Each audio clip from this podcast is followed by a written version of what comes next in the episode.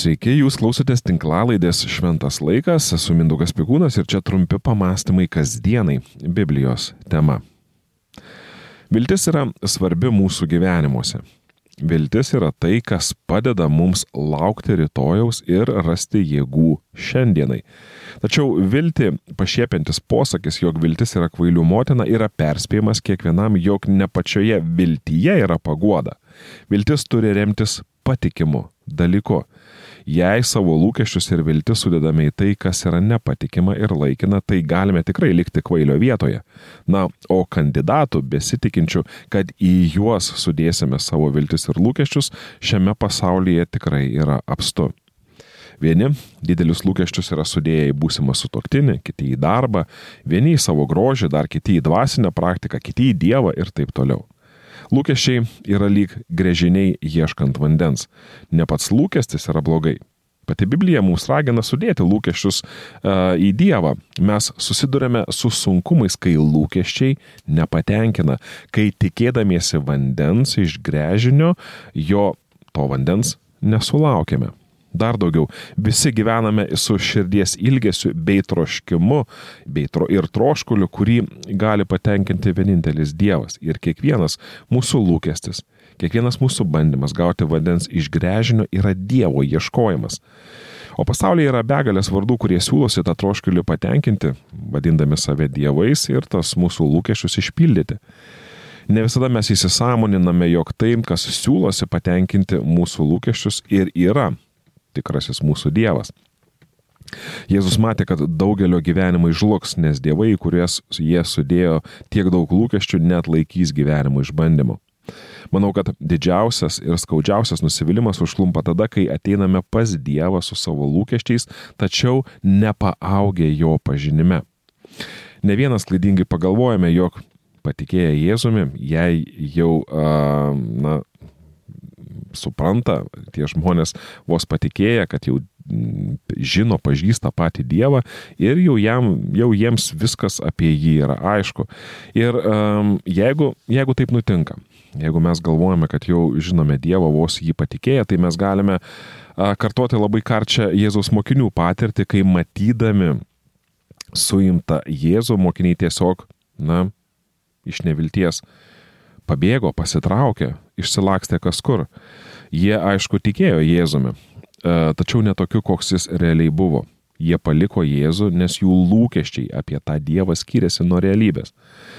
Mes galėtume būti stiprus lyg uola, tačiau dažnai esame tik pakelės akmenukai. Ir ši mintis labai vaizdžiai yra atskleidžiama Jėzaus pokalbėje su apaštalu Petru. Atėjęs į Pilypo Cezarėjos apylinkės, rašo Matas, Jėzus paklausė mokinių, kuo žmonės laiko žmogaus sūnų. Jie atsakė, vieni Jonų Krikščitojo, kiti Elyjo, kiti Jeremijo ir dar kuriuo nors pra, iš pranašų. Jėzus vėl paklausė, o ko jūs mane laikote? Tada Simonas Petras atsakė, tu esi Mesijas, gyvojo Dievo sūnus. Jėzus tam jam tarė, palaimintas tu, Simonai Jono sūnau, nes ne kūnas ir kraujas tai tavo preiškė, bet mano tėvas, kuris yra danguje, ir aš tau sakau, tu esi Petras, uola, ant tos uolos aš pastatysiu savo bažnyčią ir pragaro vartai jos nenugalės. Tau duosiu dangaus karalystės raktus, ką tu suriši žemėje bus surišta ir danguje, ir ką atriši žemėje bus atrišta ir danguje. Tuomet jis griežtai įsakė savo mokiniams niekam neskelbti, kad jis yra mesijas. Mato Evangelija 16 skyrius 13-20 eilutės. Lūkesčiai arba mus atveda prie gyvenimo pilnatvės arba palieka prie sudužusios geldos. Mūsų lūkesčiai arba leidžia mums amžinai prisipildyti, arba tik dar padidina tuštybės jausmą pasiūlydami laikiną nusiraminimą. Tačiau šis trumpas Jėzaus dialogas su apaštalu Petru padeda išgryninti tikrąjį gyvenimo pasirinkimą. Šekspyro sukurtas Hamleto personažas a, pasakė įsimintiną frazę. Susidūręs su dilema jis ištarė būti ar nebūti. Štai kur klausimas. Šioje trumpoje frazėje yra sukoncentruota kančia suvokto pasirinkimo akivaizdoje. Biblinė Šekspyro Hamleto dilemos versija skambėtų taip - būti įkvėptų ar apsėstų. Štai kur klausimas. Patyręs suvokimą apie Jėzaus tikrąją prigimtį apaštalas Petras kalbėjo su įkvėpimu. Tačiau nepažinęs Jėzaus charakterio ir Dievo kelių jis kalbėjo kaip apsėstas. Ir šiame pasaulyje yra tik du pasirinkimai - būti įkvėptu arba apsėstu - kalbėti iš vidinės tuštybės arba iš dieviškos pilnatvės. Žinau, kai kam gali tai nuskambėti pakankamai grėsmingai. Ar gali būti tik du pasirinkimai? Ką reiškia būti apsėstu? Dabar juk mes nematome apsėstų žmonių, kaip uh, jie yra pateikiami kokiuose nors siaubo filmuose. Mūsų visuomenėje nematome tokių drastiškų apsėdimo atvejų kaip Jėzaus laikais ar kitose kultūrose, kur skirtingų dvasinių jėgų veikimas yra kur kas asmeninio kur kas um, labiau, uh, kur kas arčiau asmeninio ir viešo gyvenimo nei mūsų vakarietiškoje kultūroje. Tačiau iš Jėzaus pokalbio su apaštalu Petru aš matau, jog apsėdimas gali pasireikšti kur kas subtiliau. Tada, kai mes tiesiog kalbame arba veikiame priešingai Dievo valiai. Būname įkvėpti, kai susitaikome. Būname apsėsti, kai kurstame karus. Būname įkvėpti, kai įsiklausome. Būname apsėsti, kai norime būti tik išklausyti. Būname įkvėpti, kai leidžiamės pamokomi Dievo Būname apsėsti, kai jaučiamės, kad galime pamokyti net patį Dievą. Būname įkvėpti, kai norime keistis, tačiau būname apsėsti, kai norime tik keisti kitus. Žinoma, linija tarp įkvėpimo ir apsėdimo yra labai plona.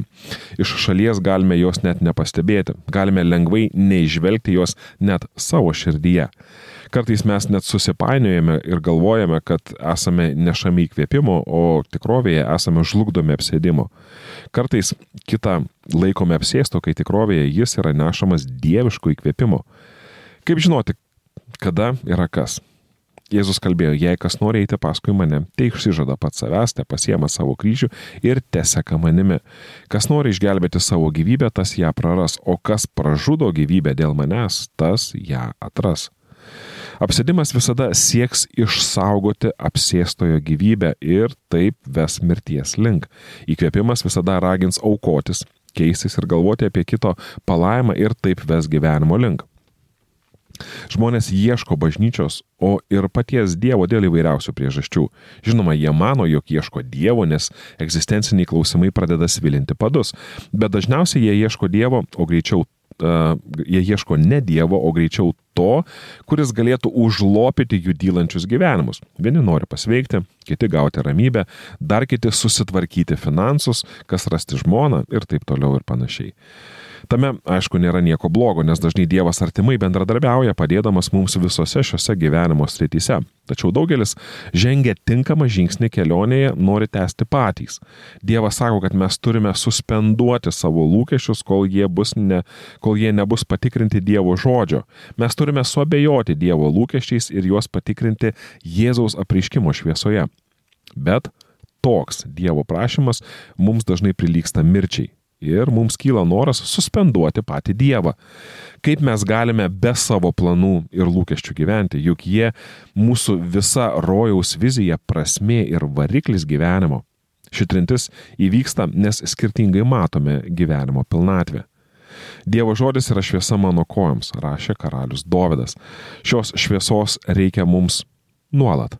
Be jos esame lyg akli užkariautojai, kurie bando apgraibomis nuspėti, kas jų laukia nepažįstamose žemėse. Biblija Dievo žodis nėra stebuklinga ibuprom tabletė. Biblija nėra raminamieji vaistai, Biblija netgi nėra gera terapinė literatūra, ji yra priekaištas mūsų susireikšminimui, sąžininga mūsų lūkesčių kritika. Dar daugiau, Biblija yra prasmingas pokalbis su išmintingu Dievu, reikia tik trumpam nustoti kalbėjus mums ir įsiklausyti. Mes būname apsėsti, kai lūkesčius sudedame į tai, kas nėra tikrasis Dievas. Ir mes gyvename su įkvėpimu, jei mūsų tikėjimas yra tvirtai šaknis suleidęs į Dievo prieškimą. Tegul mūsų tikėjimas Dievu auga bei bręsta semdamas jėgų ir energijos iš Dievo pažinimo. Ir ten nenusigasta mūsų širdis. Pažindami Dievą mes geriau pažįstame, ir patys save. Tokį, kokie visada egzistavome Dievo širdyje. Noriu priminti, jog ši tinklalaidė yra išlaikoma jūsų laisvanoriško prisidėjimo. Kad šių ir įvairesnių tinklalaidžių būtų sukurta daugiau, noriu pakviesti jūs pagal galimybės paremti šventas laikas veiklą per internetinę Contribui rėmimo platformą. Dėkoju Jums už paramą.